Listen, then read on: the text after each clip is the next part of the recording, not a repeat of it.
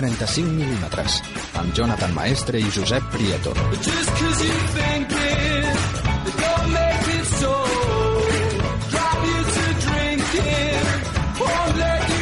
Hola, passen 6 minuts de les 10 de la nit. Benvinguts de nou. Tenim gairebé una hora, com sempre, per endavant per parlar de cinema. Així doncs, apaguem els llums de la sala i engeguem el projector.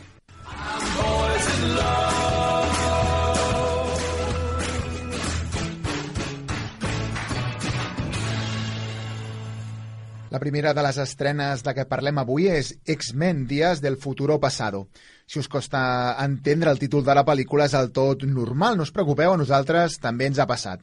Us deixem uns segons per reflexionar-lo mentre ens sentim un tallet. Profesor, Sé que es difícil de creer. me han enviado a buscarle desde el futuro. Dentro de 50 años. ¿Puedes repetirme eso? Presta atención. Al principio, los centinelas solo atacaban a los mutantes. Después empezaron a atacar a todo el mundo.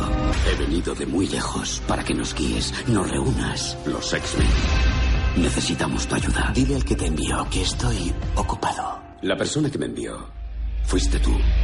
Els fans de la saga X-Men o els seguidors d'aquest tipus de pel·lícules probablement no necessiten saber de què va l'argument per, poder, per voler veure-la o fins i tot per entendre de què va. Bàsicament, els mutants superherois de les primeres pel·lis s'uneixen amb els seus jos del passat per salvar el futur. Així doncs, es converteix en un nexe d'unió entre la trilogia original i la més recent, X-Men Primera Generació. Necesitamos trabajar juntos para acabar con esta guerra. ¿Eres bestia? No sé de qué me está hablando. Tienes fuerza para ser tan flaco. Le he dicho que se vaya. Tú y yo seremos buenos amigos. Pero aún no lo sabe. Necesitamos a Mística. ¿Por qué? Porque eres una cabrona cruel. No te cortes. ¿Dónde está Magneto? Ese hombre es un monstruo. Está encerrado 100 pisos por debajo del edificio más seguro del planeta. Conozco a alguien. Ahora será un chaval. Es fascinante. Es un gran anículo. ¿Liberarlo? Eso es ilegal. Solo si te pillan. Amb aquest retrobament de generacions s'uneixen a la pantalla els Ian McKellen, Patrick Stewart, Hugh Jackman i companyia de les primeres entregues, amb les més recents eh, James McAvoy, Michael Fassbender, Jennifer Lawrence i de més. Nos enfrentamos a un nuevo enemigo. Necesitaremos un arma nueva para esta guerra. Todo lo que ocurra ahora tus manos. Els amants dels thrillers de suspens britànics estan d'enhorabona perquè demà poden gaudir de Les dos caras de enero, l'adaptació de la novel·la homònima de l'escriptora americana Patricia Highsmith. Highsmith, reconegudíssima per la seva extensa obra de thriller psicològic, ha tingut adaptades altres novel·les seves, com El talento de Mr. Ripley o Extraños en un tren, que el 1950 la va portar a la gran pantalla el mateix Alfred Hitchcock. Hay un chico con un polo gris mirándome. ¿Qué haces en Atenas? Soy guía turístico. ¿Eres americano? ¿Tú le crees? Pregúntaselo tú mismo. El domingo va a enseñarnos el mercadillo. ¿A qué se dedica usted? Ah, me ocupo de los ahorros de la gente. Oye, ¿querrías cenar con nosotros? Bueno, ¿qué te ha parecido? No me fiaría de él ni un pelo. Señor Donlevy, No, no, no, se equivoca de habitación.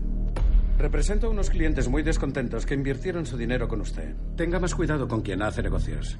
El 1962, una glamurosa parella americana està de vacances per Europa. A Atenes, durant una visita a l'Acròpoli, coneixen un jove també nord-americà que parla grec i que treballa com a guia, cosa que aprofita per enganyar turistes riques. Atret per la bellesa de la noia i impressionat pels diners de les, i la sofi sofisticació de l'home, accepta una invitació a sopar amb ells. Me dijiste que nadie nos seguiría. Tenemos que largarnos de aquí. Necesitamos otros pasaportes, una nueva identidad. Tengo un amigo. Es posible que conozca a alguien que pueda ayudaros. ¿Lo harías? Por supuesto, pienso recompensarte. No lo hago por dinero. Aparece en toda la prensa. Si te entregas, Te detendrán a ti como cómplice. Estamos condenados a seguir juntos. Si me pillan, caes conmigo. Si te pillan a ti, me entregas. Però les aparences són sovint falses i la parella resulta que amaga obscurs secrets, uns secrets que lligarà el futur de tots tres. La cinta està protagonitzada per Viggo Mortensen i Kirsten Dunst i un no tan conegut però molt interessant Oscar Isaac, que recentment ha donat vida al personatge principal de A propòsito de Lewin Davis. I quan a cinema més, em, diguem-ne, intel·lectual, des de França se'ns presenta aquesta. Buenos días, Violet. Buenos días, señora. Ha escrito un buen libro. Potente, intrépido. Profundice. Debería ir más lejos, contarlo todo, sus líos, amores y lo del aborto. Ayudará a muchas mujeres. Simón de Beauvoir, buenos días. Se están produciendo profundos cambios en la sociedad francesa, modificando de forma irreversible la relación de las mujeres con la literatura. Le presento a Violet Leduc. Es tracta de Violet, un biòpic en clau de drama de l'escriptora Violet Leduc i el moviment feminista de després de la Segona Guerra Mundial del qual ella va formar part juntament amb Simone de Beauvoir i qui va portar l'alliberament social de la dona a França. I en aquest mateix to, no apte per a tots els cervells, aquesta setmana també s'estrena Meteora, un drama grec que, que reflexiona sobre l'espiritualitat a través de la relació entre un jove monjo ortodox grec i una monja ortodoxa russa. 35 mil·límetres. El 1969 es va donar un fet que de moment és inèdit i és que una pel·lícula, en aquest cas Cowboy de Medianoche, va guanyar l'Oscar a la millor pel·lícula, tot i ser catalogada com a pel·lícula X. Doncs bé, ara anem a fer un petit, eh, ara una petita parada en el camí, anem a agafar aire i conti per continuar el nostre programa. Sentim precisament una cançó molt coneguda, la Everybody's Talking, de, interpretada per Harry Nilsson. Sentim-la perquè ens sona i molt.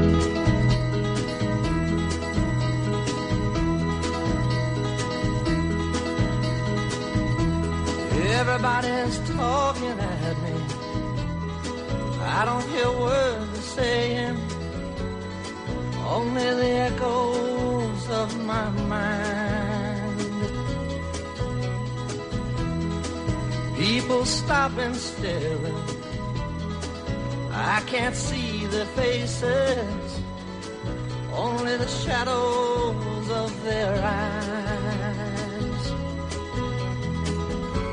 I'm going where the sun keeps shining through the pouring rain. Going where the weather suits my clothes. Banking off of the northeast winds, sailing on summer breeze. And skipping over the ocean like a stone.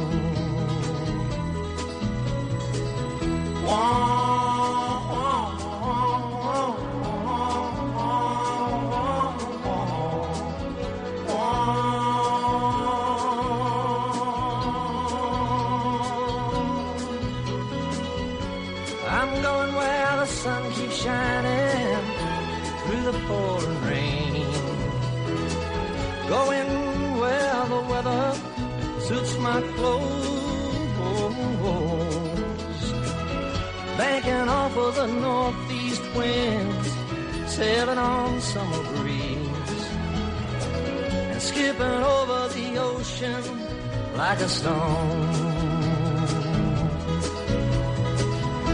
Everybody's talking at me. Can't hear a word they're saying. Only the echoes of my mind. I won't let you leave my love behind. No, I won't let you leave.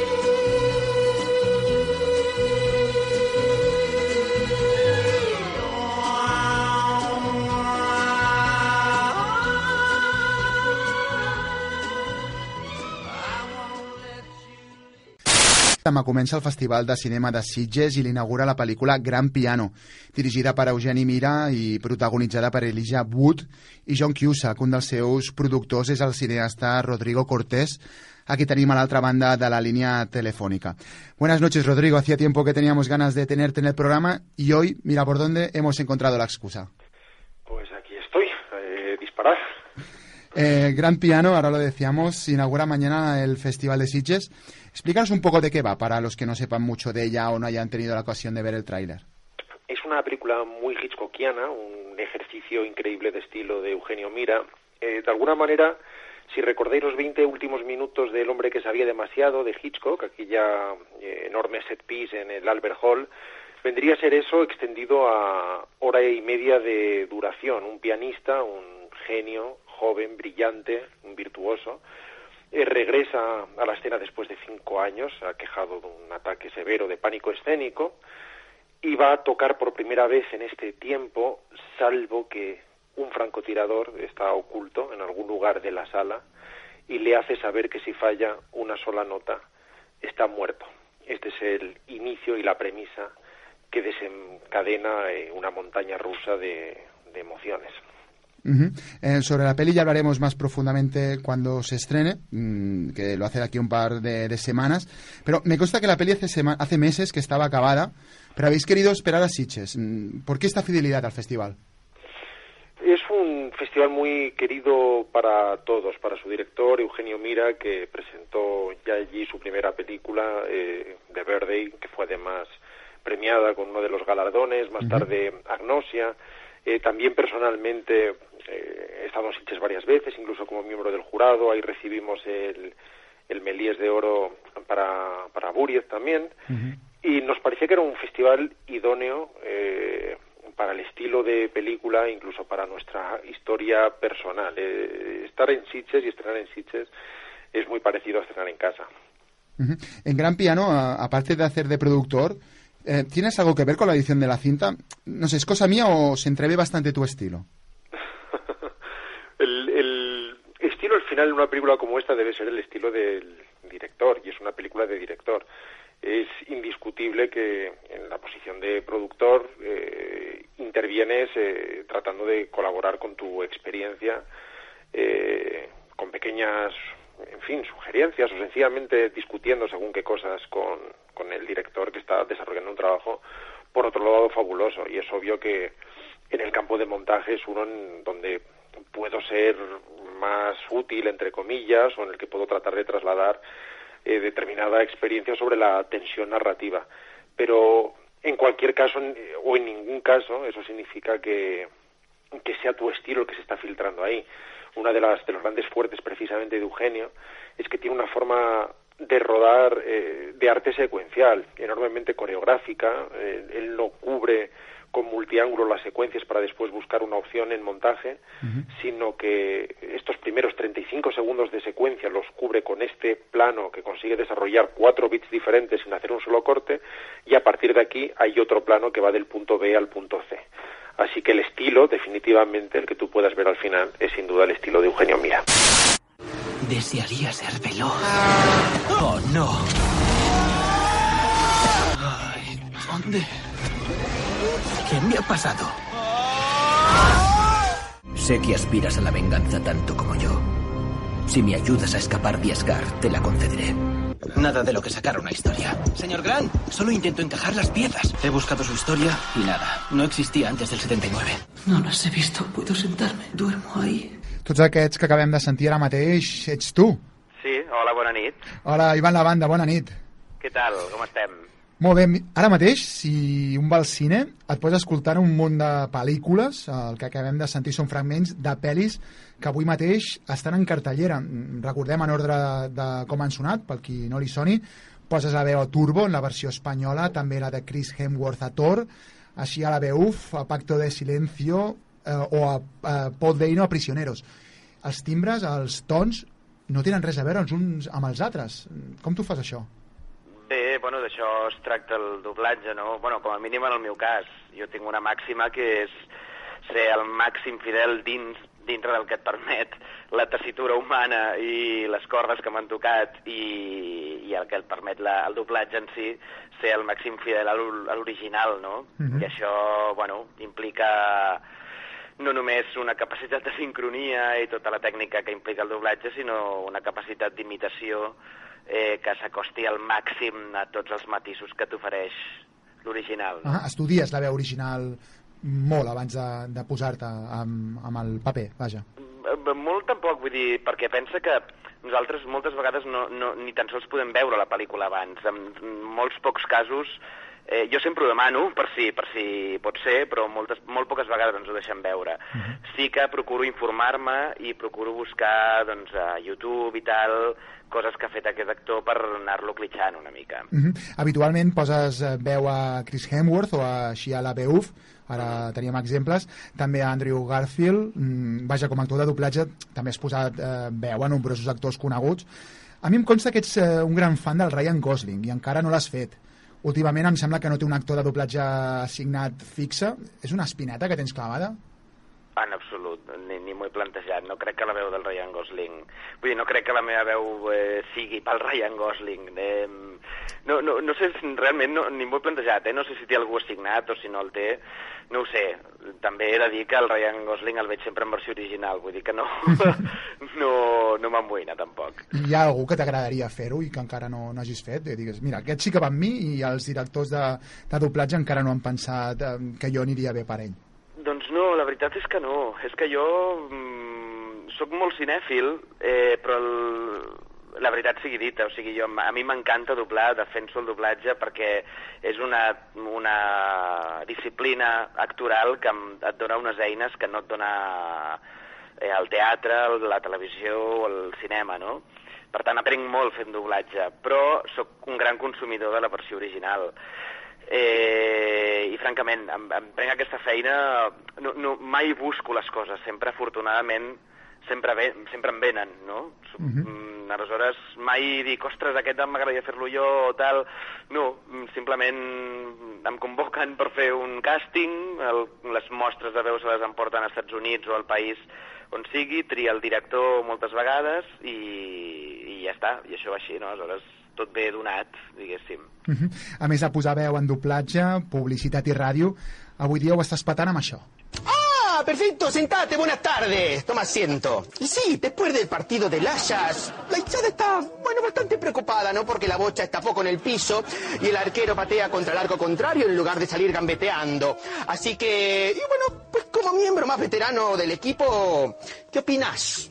Ets el Tata Martino del Cracòvia. Entre d'altres, sí. Entre d'altres, sí, sí. però potser ara ho estàs patant bastant amb el, amb el Tata. El Tata no? està, està, sí, està arrasant bastant.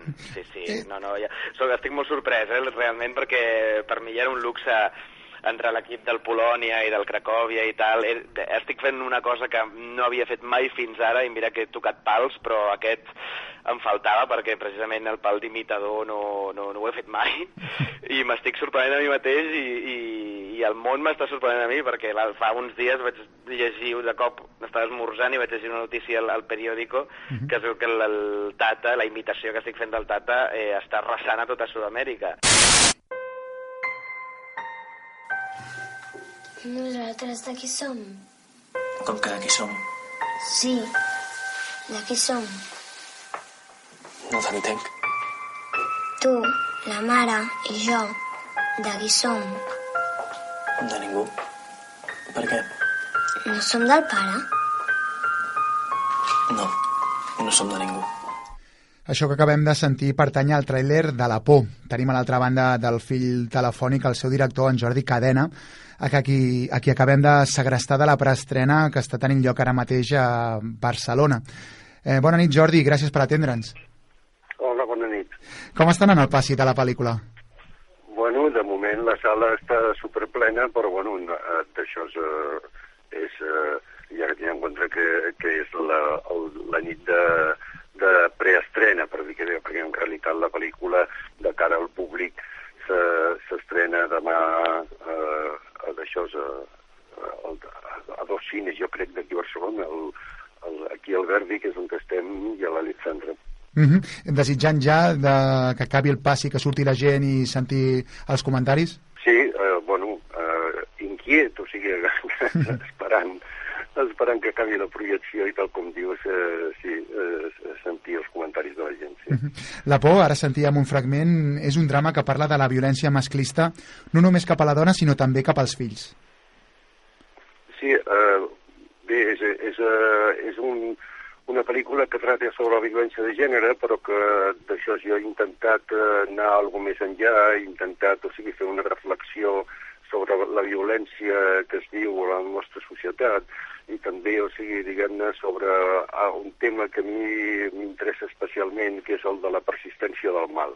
El fet, o sigui, de que mm, en aquesta societat en la que visquem, en la que vivim, o sigui, la, el, el mal està contínuament present i, a més a més, o sigui, diguem-ne, quasi, quasi sembla com acceptat, saps? I d'això, i, i és una cosa que m'inquieta i que m'interessa de reflectir-la en diferents històries eh, en, en el meu mitjà, que és el cinema. Mm -hmm. És una pel·lícula dura, canyera, des del ben, ben principi de la, de la cinta.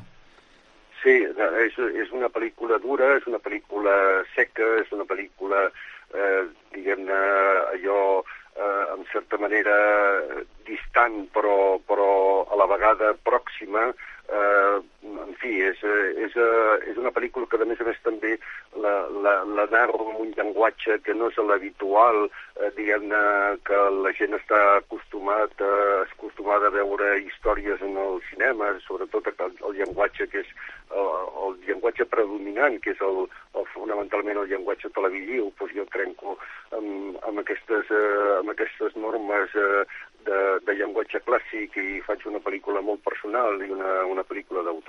Mm -hmm. Perquè, com tu dius, eh, la part del discurs narratiu o el discurs audiovisual és, és potser més important a la pel·lícula que, que la pròpia trama.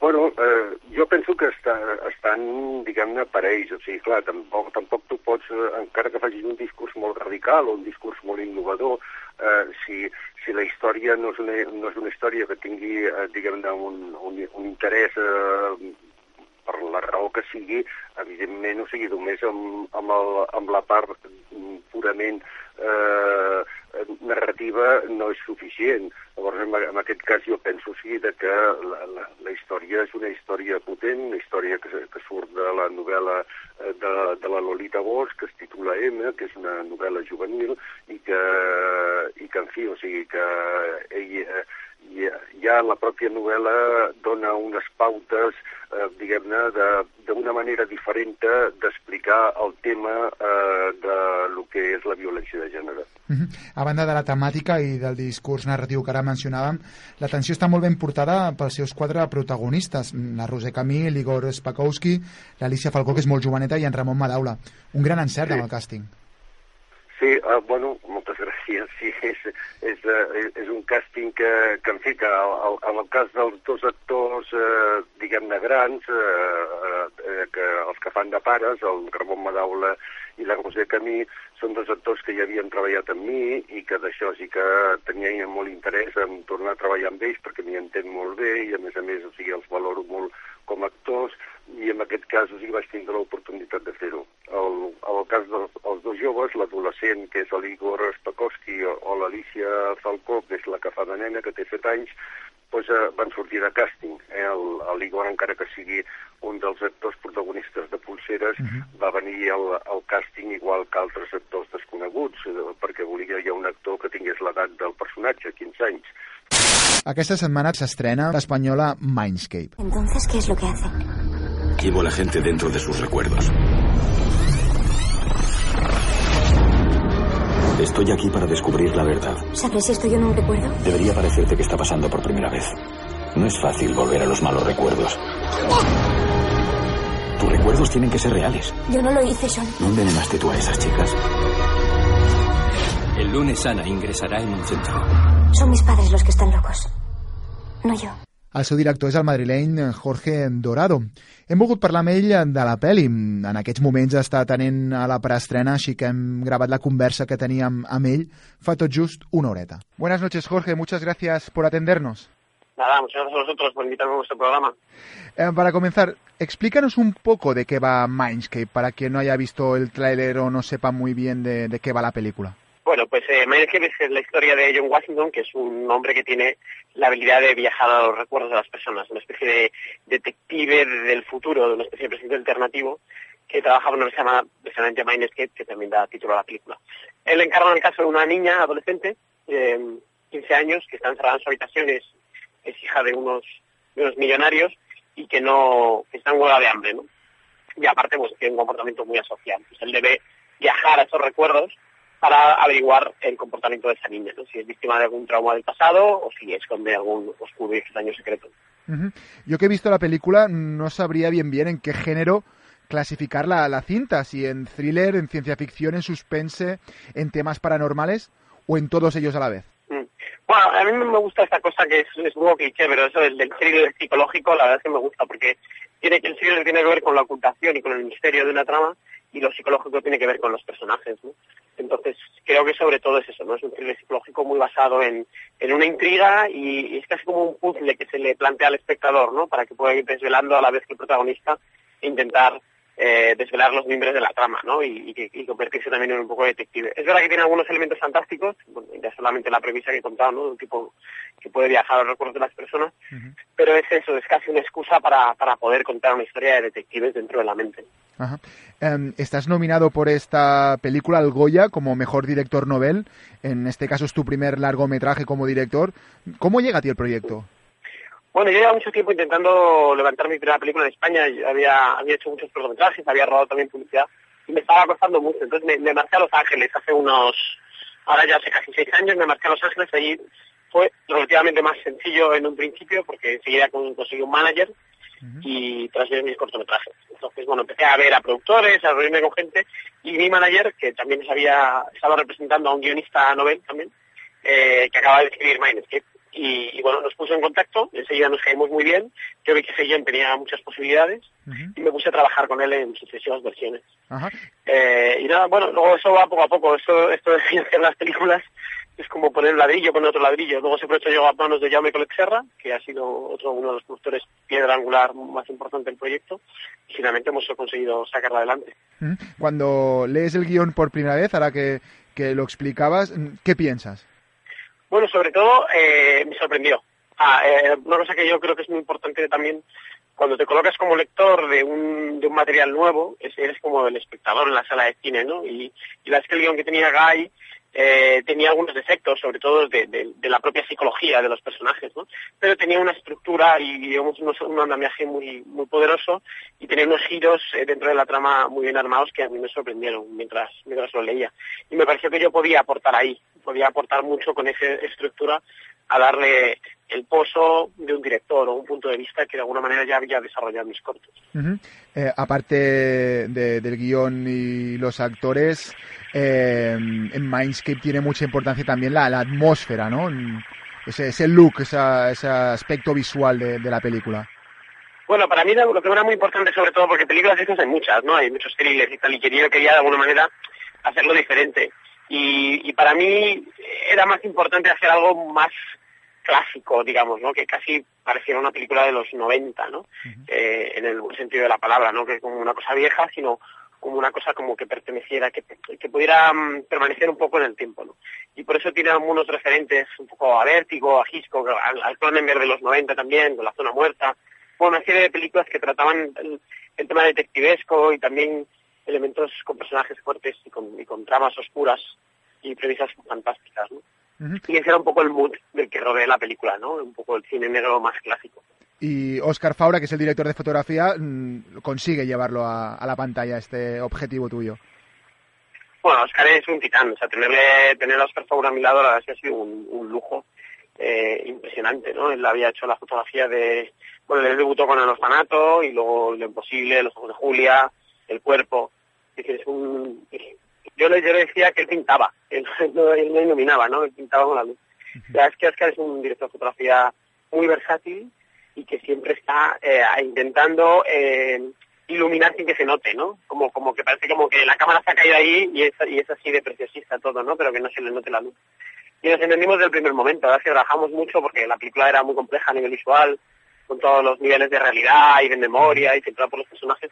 Tuvimos que hacer mucha investigación, mirar muchos referentes y, y bueno, la verdad es que fue una colaboración fantástica que me encantarà repetir. Sèptimo thriller hispano-argentí que arriba demà a casa nostra i que està protagonitzat per Ricardo Darín i Belén Rueda. Un pare i els seus dos fills petits surten de casa en un setè pis. L'home agafa l'ascensor i els nens baixen per l'escala. A l'arribar a la planta baixa descobreix que els petits han desaparegut. Y tú, por favor, no hagas el jueguecito de las escaleras, que un día se van a caer y la vamos a tener. Si me cuentan el secreto, los dejo bajar corriendo. No, pero decimos abajo. Tengan cuidado con las escaleras. Ya llegué. Chicos. Chicos. Luna, Luca. Vamos. Los chicos desaparecieron. Por favor, no les hagan nada. Vamos a hacer todo lo que digan. Per parlar-ne tenim a l'altra banda del fil telefònic el director de Séptimo, Pachi Amezcua. Buenas noches. Eh, buenas noches, ¿cómo estáis? Muy bien. Eh, Pachi, he de confesarte que tengo un pequeño problema. Y es que después de haber visto tu peli, no sé cómo hablar de ella para los oyentes que, que obviamente todavía no la han podido disfrutar. Es complicado, bueno, es, pero bueno, yo creo que esto en todas las películas de thriller, suspense, siempre la parte final es complicado de desvelar porque porque cualquier dato que des es un poco arruinas al espectador, ¿no? La, la, la, cómo se cómo se desencadenan los, los acontecimientos está eh, es lo que habéis mostrado, pero luego hay que dejar al espectador entre comillas virgen para que para que cuanto menos sepa pues más va a disfrutar del viaje yo creo Sí, sí, to- totalmente. Sería mucho más fácil hacer una tertulia al salir del cine, ¿eh? a posteriori Em, Pachi, ¿tú, tú que tienes la peli más por la mano, mm, explícanos un, poco, un poco de qué va. Permíteme la broma, mm, pero si se escapa un spoiler, mm, que se te escape a ti, no a mí. Sí, no, la verdad es que para mí básicamente es esto, lo que te digo, una película de, de intriga, una película de suspense, eh, intentando que el espectador pues esté ahí anclado a la butaca, deseando saber qué va a ocurrir a continuación y cómo va a acabar todo esto, ¿no? El, inicio es muy cotidiano, dos personas normales, una pareja que está separada, con unos niños, el, el padre es abogado y tiene un caso importante ese, ese día y tiene que llevar a los niños al cole. Y eso, ese juego que, bueno, está basado en un juego que hacía yo con mis hijos y de ahí surge la idea. Y de repente, pues eso, los niños han desaparecido en tu propio edificio, ¿no? En el lugar más familiar y más más cotidiano, de repente se desencadena una situación un poco dramática, ¿no? Y a partir de ahí, pues eso es lo que te digo, que ya la tensión, la angustia, la desesperación, la búsqueda frenética y, y- todo que viene en, una película de suspense. La cinta mm, es una coproducción hispano-argentina. El guion, que, que por cierto va a cargo de Alejo Fly y, y tuyo, estaba concebido para llevarse a cabo en, en Buenos Aires y todo se rodó allí. ¿Es algo indispensable para la trama? Mm, Quiero decir, ¿se trata de una realidad tristemente cotidiana argentina y algo impensable de momento en España? No, yo creo que, que con las adaptaciones lógicas de cada de cada ciudad o de cada lugar, esto podría ocurrir en España, en Madrid, en Barcelona, en París, en Nueva York, en cualquier ciudad, yo creo que se podría hacer funcionar este tipo de historias. Pero bueno, Buenos Aires era un lugar que, bueno, que en cuanto a que el productor original del proyecto es de allí, me dijo, busquemos una, una, una historia que podamos situarla en Buenos Aires, yo estaba deseando conocer Argentina, y bueno, era como que todo era perfecto para eso, para buscar la historia y situarla en Buenos Aires, y porque bueno, la idios- idiosincrasia un poco de- del mundo argentino, de los personajes argentinos, de- del contexto argentino con la policía, con el tema de los secuestros y de la corrupción, pues daba incluso un poquito más de juego extra. Ujú. Me consta que fuisteis a, cuando fuisteis a grabar a, a Buenos Aires o, o a localizar en primera instancia, eh, era tu primer viaje en Argentina. Eh, ¿Qué tal sí, sí, es sí, trabajar allí? Bien, estupendo. La verdad es que fue una experiencia eh, muy divertida, muy agradable. Todo el equipo argentino nos trataron de maravilla, los españoles. eh, y, y- y fue, ya te digo, que, que todo fue de maravilla, ¿no? O sea, nos trataron como, como nos estuviéramos en casa y los, los, los, eh, todo el equipo es súper profesional, con mucha experiencia y, y gente que, que la verdad es que, que un 10. Ujú. Equipo íntegramente argentino. eh, Totalmente, sí. Menos Belén Rueda, obviamente. yo, sí, el resto eran, eran, eran argentinos de Buenos Aires, eso sí. Eh, la peli mm, hace dos meses que se estrenó allí, en, en el hemisferio sur. ¿Por qué crees que ha funcionado tan bien en taquilla en Argentina? Bueno, a ver, hay, hay varios elementos. Yo creo que nunca hay un, solo un solo elemento. En este caso, yo creo que por una parte el tirón que tiene Ricardo Darín, eso es obvio. Ricardo es una estrella allí, es muy querido y todas sus películas arrancan bastante bien, pues porque la gente quiere ver la nueva de Darín, ¿no? Luego también la campaña Fox. Fox eh, hizo una campaña muy potente en Argentina, salimos fuertes con 200 y pico copias, con una campaña de promoción bastante interesante. Y luego, bueno, para que aguante y llegues a un millón, pues tiene que haber factores extras, ¿no? Y en este caso, pues el factor extra supongo que fue que la peli gustó a la gente, ¿no? Porque otras pelis de Darín, pues han quedado en medio millón de espectadores, 400.000, 500.000, 600.000, y aquí nos fuimos al millón, ¿no? Entonces creo que, que, lógicamente también es que la peli te ha gustado, porque si no el boca a boca rápidamente te, te- te hace que la peli se quede Acompaña desde la otra banda del fil telefònic la actriu María Boto. Buenas noches, María. Nos hace mucha ilusión que compartas este ratito con nosotros. Buenas noches, a mí me, me encanta estar con vosotros también. Y es que da la casualidad mm, que tú fuiste la, la follower número 100 de nuestro Twitter. Nos lo podríamos inventar, obviamente, porque nadie se enteraría, pero es cierto. Mm, Eres bastante activa en esto de las redes sociales. Pues la verdad es que lo intento con mi personalidad, que soy un poco inconstante. A veces me, me, me cuesta un poquitillo, pero pero sí, sobre todo cuando algo me, me interesa muchísimo, a lo mejor durante seis días no, no tuiteo y de repente algo me mueve y me paso el día tuiteando. Una herramienta útil para, para un actor, para alguien de tu, de tu profesión, esto de las redes sociales, o es meramente anecdótico? Uf, pues no lo sé. Yo creo que yo creo que sí que yo creo que es muy útil.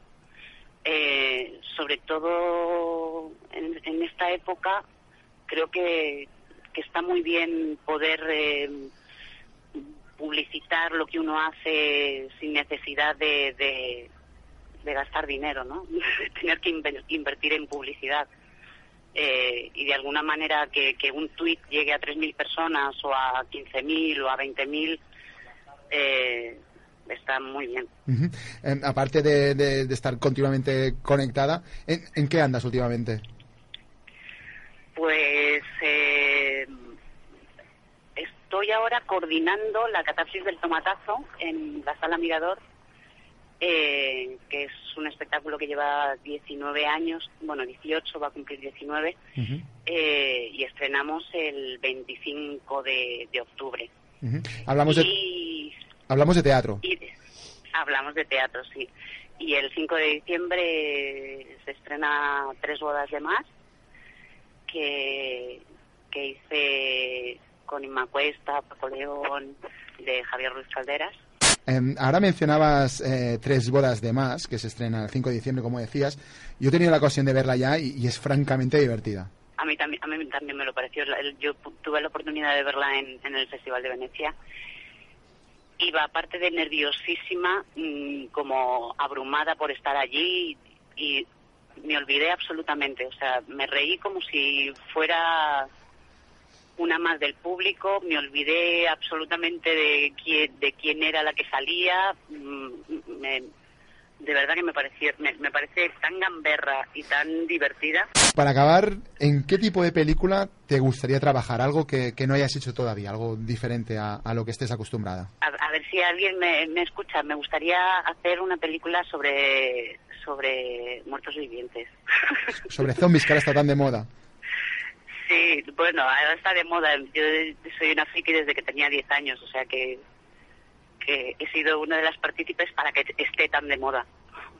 O sea que, vaya, esto es como un mensaje para, para Jaume Balagueró, a ver si se anima, ¿no? En, en, en Rec eh, Le habla- 4. Hablé con él en su momento, sí, le, le voy siguiendo. Oye, si haces le voy siguiendo. Pues a- aquí hay otro, otro titular de la entrevista. Jaume Balagueró no ve a María Boto como una zombie. Que no sé si es bueno o es malo. Me estás avisando, en realidad me estás avisando. Eh, María Boto, ha sido un placer charlar contigo. Muchas gracias y te esperamos aquí en 36 milímetros siempre que quieras. Muchas gracias. Un placer ha sido mío. Hasta pronto. Adiós.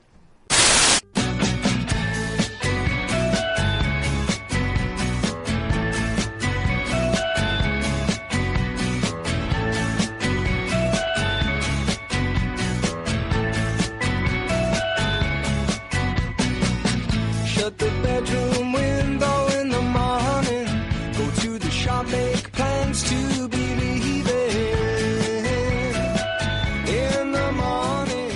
22 minuts i arribarem a les 11 de la nit. Avui a la mirada enrere ens parles de Los cazafantasmes, Ghostbusters, del 1984. Bon any. El 84 va sortir d'aquí... Una, una, bona, una bona anyada. Sí, sí, sí.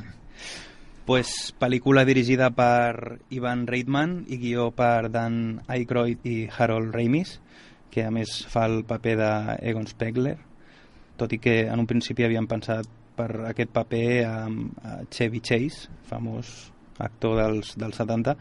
Igual va passar amb, amb el paper de Winston, que va ser pensat per Eddie Murphy, el de Peter Beckman, que va ser escrit per John Belushi, o el paper de Lewis, que volien a John Candy, que, que pel nom no et dirà res, però és el, el tiet a Solos con nuestro tío, Mhm. Macaulay Culkin. Jo- John Candy, de fet, que va morir 10 anys més tard, o sigui, el, el 94, d'un atac de cor. Dos atrapados sin aspavientos. Somos rápidos y ellos lentos. ¡Wow! Con nuestro plan de servicio especial a mitad de precio. ¿Qué? Espera, ¿a mitad de precio? ¿Nos hemos vuelto locos? Es posible, Pete. Porque eso no es todo. Cuéntaselo, Egon. Ah, ¿te refieres al tazón térmico para bebidas calientes y globos gratis para los críos? Limitado un regalo por familia. Saps a l'escena on apaguen el contenidor de fantasmes i explota sortint la columna d'energia vermella pel sostre?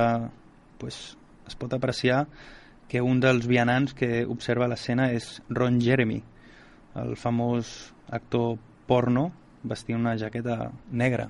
Quan el ninot de Marshmallows, saps aquell ninot gran, gegant, blanc? De, bueno, de fet, la, la marshmallows són els núvols, no?, de, de cotó. Sí, aquests- núvols de cotó, Els núvols sí. aquests que mengem, sí, sí. pues quan explota i cau damunt de la gent, es pot veure com una gran quantitat cau damunt del secretari del Departament de Medi Ambient i l'actor no, no va ser avisat d'això i es va emprenyar amb, amb Ivan Reitman. Home, normal, si no t'avisen. També aquest home era un secundari secundón, potser massa ínfoles, no?, per enfadar-se, però a vegades aquestes coses, ja ho fan moltes vegades els directors, mm, aporta molta... Sí, sí, la, la reacció segurament seria natural. Clar, no? clar, molt, molta naturalitat, molta espontaneïtat. Doncs avui, Josep, a la mirada enrere ens portes 2001, una odissea en el espacio, pel·lícula de Kubrick del 1968. Abre la puerta de la cámara de las cápsulas, Hal. Abre la puerta de la cámara de las cápsulas, Hal. Hal, ¿me estás leyendo? ¿Lees lo que te ordeno? ¿Me lees, Hal?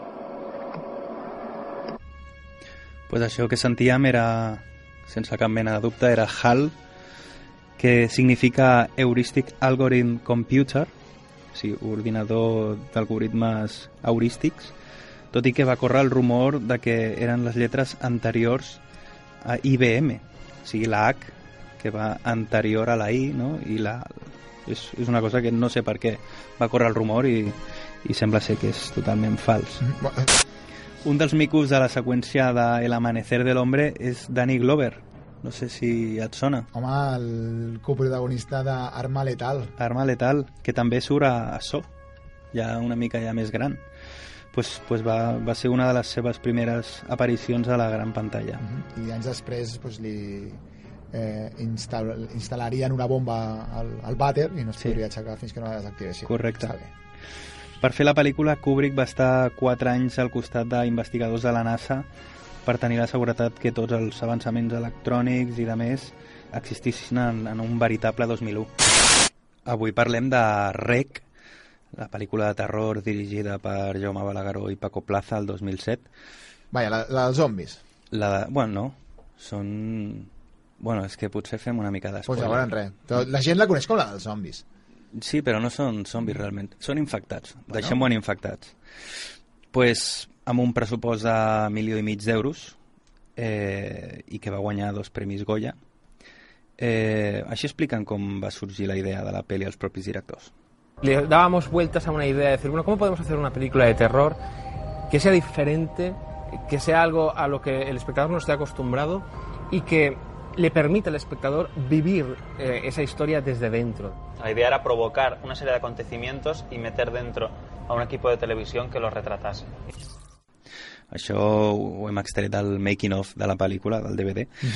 Eh, també va ser guanyadora de quatre guardons en el Festival Internacional de Cinema de Sitges del 2007. En les següents categories, millor director, Jaume Balagueró i Paco Plaza, eh, millor actriu, Manuela Velasco, Gran Premi del Públic, El Periódico de Catalunya, millor pel·lícula i Premi de la Crítica de José Luis Warner. Warner, però amb G, eh? no, no amb W. El film es va rodar íntegrament a l'edifici situat a Rambla de Catalunya.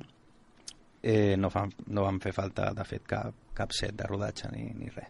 tot, tot rodat en el mateix, en el mateix escenari, Sí, vaja. sí, No- sí, sí, sí. Bueno, a l'hora de- d'estalviar en, I tant. en costos de producció eh, El que, és algo molt important. El que Eh? s'estalvien amb sets, eh, per una altra banda, amb sang, no? És una mica... Perquè en aquest cas, no sé si ho tens més endavant o no, ho, ho explicaràs, no va ser eh, sang digital, eh? Va ser No, no, no, no. sang, no. sang de veritat. Clar, estem parlant de Jaume Balagueró, que, que és un, un, a més, és un fan de, del cinema dels 80, 80-90, així que, que encara no, no havíem començat amb el tema digital. Eh, el, film, el film es va rodar, com dèiem, a Rambla Catalunya, està destinada originalment pel mercat de vídeo, i això és un, una dada molt curiosa, però eh, no, és, no és estrany pensar-ho, perquè estem parlant de Jaume Balagueró i Paco Plaza. Paco Plaza realment no tenia gaire nom abans de fer rec, perquè de fet havia fet eh, Roma Santa amb el Zapataki, que no, diguéssim que no va ser no va guanyar el Premi de la Crítica, diguéssim. I, i recordem que els dos directors... Però eh, Jaume Balagueró, en aquest cas, sí, eh? havia fet ja alguna pel·lícula, havia fet, Sí. sí. fet els, el Sense Nom, el Sin Nombre, Sin per mi és una de les meves eh, pel·lícules eh, favorites. Sí. A, a mi em va saber, potser, mira, ara surto de, de, del tema, però a mi em va saber una mica greu saber que, que la pel·lícula estava basada en una novel·la. Jo penso que era guió original, però de tota manera està molt ben portat, de, tant de, de qüestions de producció com de Sí. direcció. És una pel·lícula que, que, que m'agrada molt. I havia fet Darkness, crec que fins i tot ja havia estat per, per Darkness, davant. Fràgiles... Fràgiles no sé si és, és d'aquella època, no sé si és una mica abans o una mica... És de després. Després. I després... Però bueno, que ja començava a ser una mica conegut, Balagueró. No, no, Balagueró i tant. De fet, aquesta de Los Sin Nombre és la primera, la seva pre Mm. primera pel·li, de nhi també. Eh?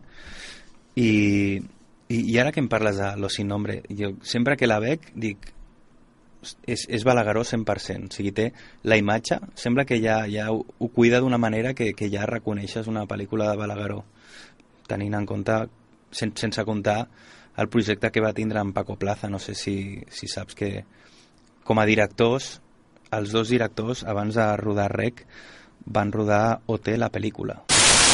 Ja saps que jo sóc fanàtic de Quentin. Sí, Quentin Tarantiniano. Sí. Eh, De fet, em sorprèn que encara no, no havíem parlat d'aquesta pel·lícula, perquè per mi és un clàssic de, dels 90. Avui parlem de Reservoir Dogs, pel·lícula del 92. És l'estrena de Quentin Tarantino com a director i que va comptar amb actors a la talla de Herbie Keitel, Tim Roth, Chris Penn, Steve Buscemi, Lawrence Tierney o Michael Madsen.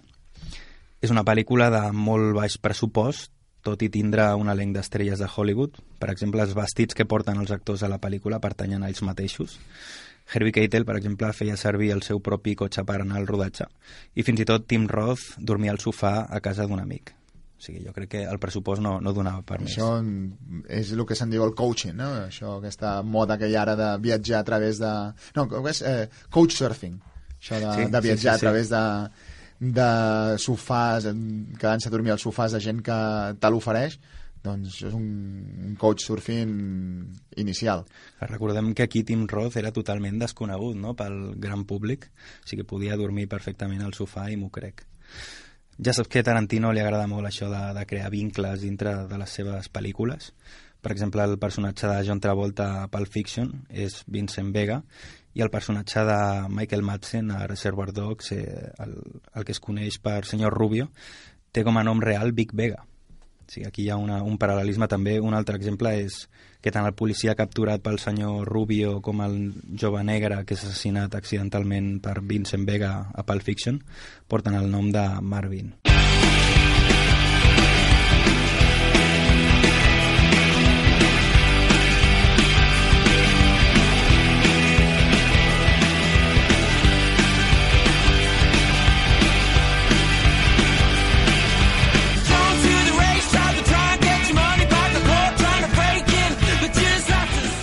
Doncs acaba d'entrar a l'estudi el crític de cinema del programa, el senyor Alberto Zinote, que ens apropa la seva particular visió de la cartellera. Bona nit. Buenas noches. Si acaso serán buenas para ti. ¿Qué pasa? ¿Que eres miembro del Tribunal Constitucional? Ah, no. Debe ser de la familia Suárez. Perdoni, però crec que aquest comentari ha estat del tot inapropiat. Inapropiado, dice. ¿Qué sabrás tú que es inapropiado? ¿Acaso corriste el otro día la maratón de Barcelona? No, home, no, no, no corro pas tant jo. Pues inapropiado es correrla con un tanga de esparto, que todavía tengo un surco en la zona perianal en el que se podrían plantar patatas. Tengo tal irritación que podría estarme echando Johnson's Baby hasta que el niño se vaya a la mili. No, no m'ho vull imaginar, eh? De totes maneres, eh, anem per feina, d'acord? De quines pel·lícules ens parla avui? Mira, pues para comenzar, esa del Gran Hotel Burrapest. Serà el Gran Hotel Budapest. Eh, no, esa, esa no la he visto. Mm, Ara mateix estic una mica confosa. Mira, la que sí he visto es esa de los apellidos vascos. Ocho apellidos vascos. I què li ha semblat? Pues me reí como un joputa. Ah, sí? Li va agradar? No, pero se burla de los andaluces y los vascos y eso siempre hace gracia. Pero porque yo no soy vasco ni andaluz, que si no, iba a cagar en la puñetera madre que matriculó al guionista, al productor, al director y hasta en el pobre desgraciado que le tocó hacer los decorados. Ja, ja veig per on, per on vol anar. Eh, alguna altra cinta que vulgui destacar? No, a destacar no, pero también he visto Dallas Boyers Club. Ah, i coincideix amb les bones crítiques i els premis que ha recollit. Què li van semblar Matthew McConaughey i Jared Leto? ¿Quién? ¿Esos dos están en la peli? Yo solo vi a un sidoso y un travesti. Doncs precisament aquests són els seus papers. Si no els vas reconèixer és perquè estan ben caracteritzats. Aquesta és la gràcia. Pues yo no me reí una mierda. Mira, ¿sabes con la que sí me reí mucho? Con esa de la hermandad. Però aquesta no és de por. Sí, es verdad. Ver a Lidia Bush siempre da mucho miedito. O sigui que la pel·lícula fa molta por. Pero no te acabo de decir que me reí un montón. Amb, amb quina? Amb l'hermandat, vol dir? A ver, que no te has enterado. Que esa es de miedo. Sí, la que surt la Lídia Bosch. Sí, qué bueno. Me partí la caja. Escolti, crec que acabem d'entrar en una espiral de conversa de bessucs. Oye, por cierto, el tiempo que hace que nos conocemos y que vengo aquí al programa ya podrías tutearme, ¿no?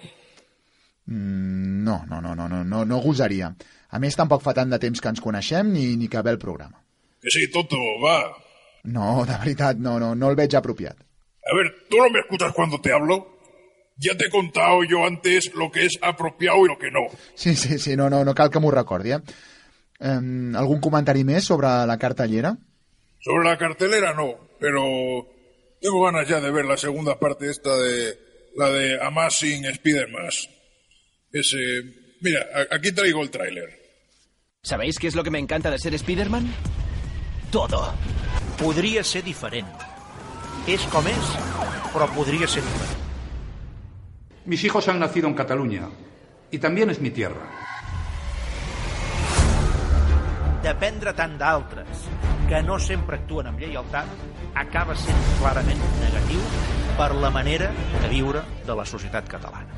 Me gusta Cataluña, me gustan sus gentes, su carácter abierto, su laboriosidad. Son emprendedores, hacen cosas. Un estat atent a un poble que vol decidir el seu futur, un estat atent a un poble votar.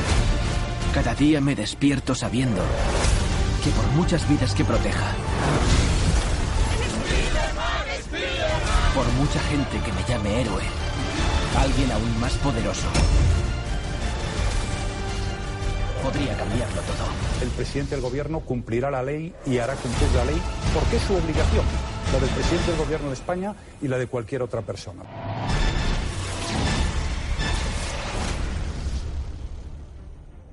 Fin de la cita. ¿Qué, qué te ha parecido? Doncs si li soc sincer, mm, m'ha semblat una mica com un déjà vu, eh? com si aquesta pel·li ja l'hagués vist. Es que las pelis de superhéroes es lo que tienen, que todas parecen lo mismo. Yo cuando veo al Chris Evans, este, el que tiene la mandíbula trancada, no sé si estoy viendo Los Cuatro Fantásticos, la de los Vengadores o la de la casita de Pinipón. Mira, aquesta és fàcil, eh? Si surt la Jessica Alba, és de Los Cuatro Fantásticos, i si surt la Scarlett Johansson, és de la sèrie de Los Vengadores, com l'estrena que parlàvem abans, la segona part del Capitán Amèrica. Jamona va, jamona viene. A mí me la trae al pairo quien sea de las dos. Yo lo que quiero es que me den de comer.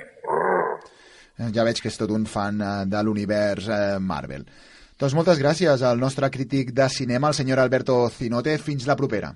Sí, sí. Joder, con los niñatos estos. Traigo el avance de una peli que se estrena el mes que viene. El tráiler de un remake que han hecho del monstruo japonés ese. El golfilla. Quiero hablar con quien esté al mando. Soy gallego. ¿Quién quieren engañar diciendo que lo que ha pasado ha sido un desastre natural? La guerra civil, los hechos y las actitudes que la causaron y que la pueden causar. Mienten. No ha sido un terremoto, ni un tifón. Lo que pasa es que nos están ocultando algo. Algo que nos va a hacer retroceder a la edad de piedra. Que Dios nos proteja. Muy poco cristiano. Car, la guerra, la herencia de una guerra o el espectro de una guerra. En 1954 despertamos algo. Todas esas pruebas nucleares en el Pacífico no eran pruebas. Querían matarlo. Quien nos libró del golpe de Estado 23F fue Su Majestad el Rey Juan Carlos. Eso sí que lo sé, porque eso sí que lo vi.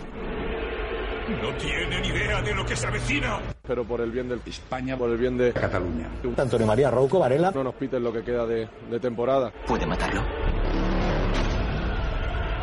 sedicioso, fascista, y lo grave es que se quiera reinterpretar la historia. La arrogancia del hombre es pensar que controla la naturaleza. Inapropiadas, fuera de lugar y fuera de la realidad. Cuando es todo lo contrario. Ustedes van a sufrir mucho con ustedes mismos. Me dan un poco de pena.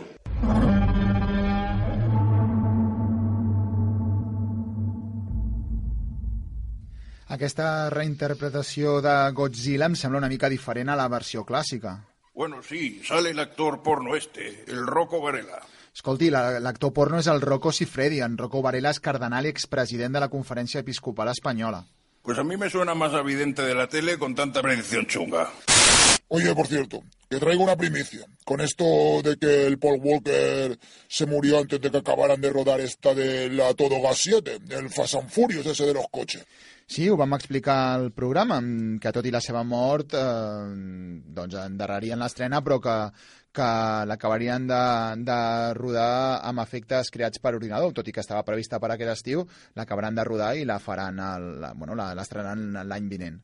Efectivamente, pues yo ya sé a quién han cogido para hacer de especialista. Era difícil porque tenía que tener el pelo rubio, pero al final han encontrado a la persona perfecta para el papel. Mira, aquí tengo un avance del tráiler. ¿Qué tal la vida de presidenta de la Comunidad de Madrid. retirado? por la Gran Vía a mi casa. Para un taxi se ha bajado un pasajero. Han hecho trabajitos, pero los más recientes han subido de nivel.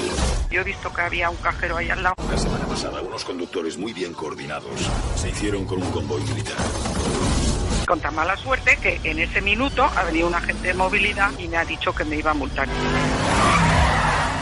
Y cuando ya habían pasado 15 o 20 minutos, ahora me voy porque tengo prisa, vivo aquí al lado. Así que si quiere usted, pues eh, continuamos hablando en mi casa. Y sobre todo, no permitir jamás que se suban a un coche.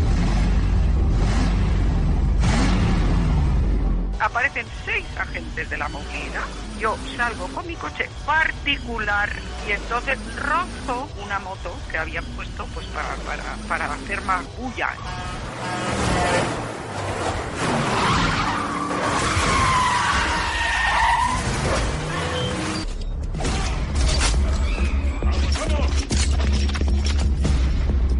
Es todo.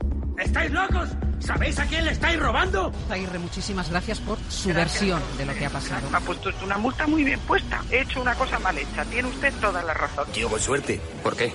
Aún respiras.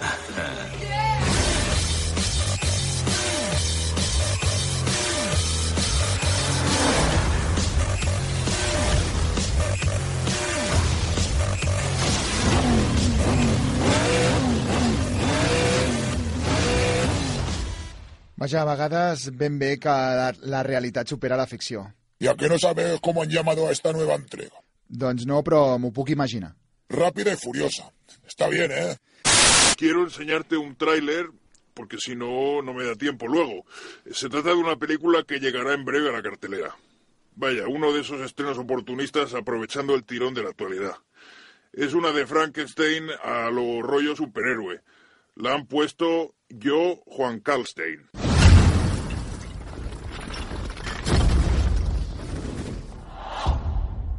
Su Majestad el Rey Frankenstein. Los rumores son ciertos. acaba de comunicarme su voluntad de renunciar al trono. Me fue dada la vida hace 200 años. Juro por Dios sobre los santos evangelios cumplir y hacer cumplir las leyes fundamentales del reino y guardar lealtad a los principios que informan el movimiento nacional. Y soy único. Eres más fuerte, veloz y resistente que cualquier humano. Podrías utilizar esos dones en una guerra de la que ya formas parte.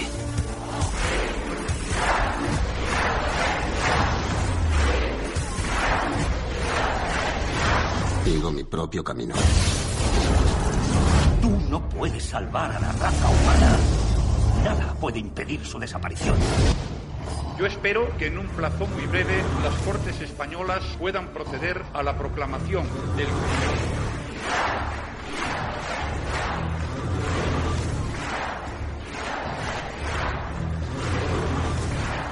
Ven conmigo. Hay un ejército entero de monstruos como yo, decenas de miles. Puede suponer el fin de la humanidad. ¡Y Mario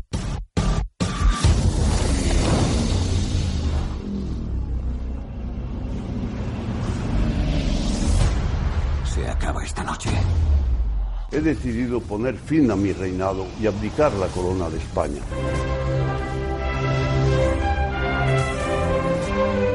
Cuando te conocí, te miré a los ojos y vi oscuridad. Soy un monstruo. Lo siento mucho, me he equivocado y no volverá a ocurrir. Solo lo eres si te comportas como tal.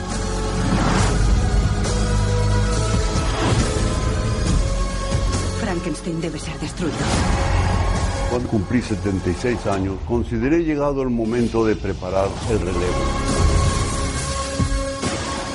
Nos está señalando un camino de futuro cargado de esperanza.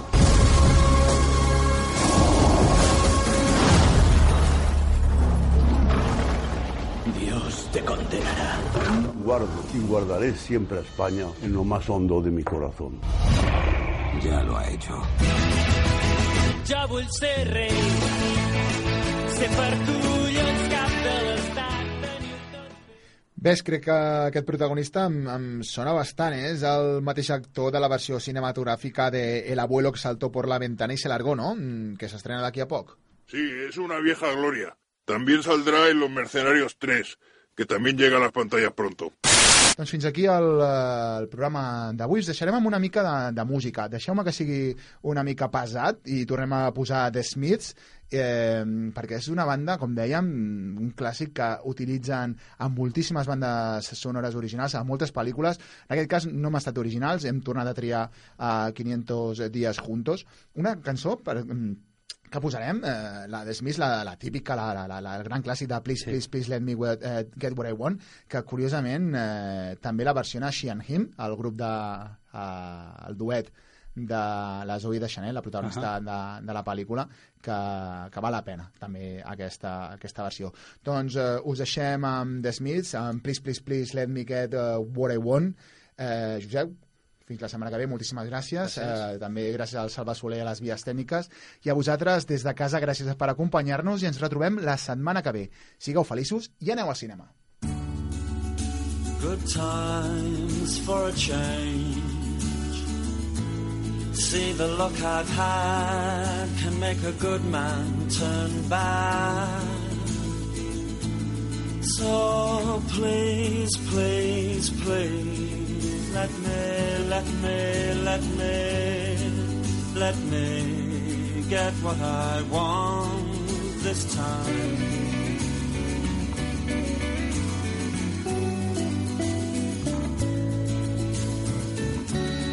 Haven't had a dream in a long time. See, the life I've had can make a good man bad. So, for once in my life, let me get what I want. Lord knows it would be the first time. Lord knows it would be the first time.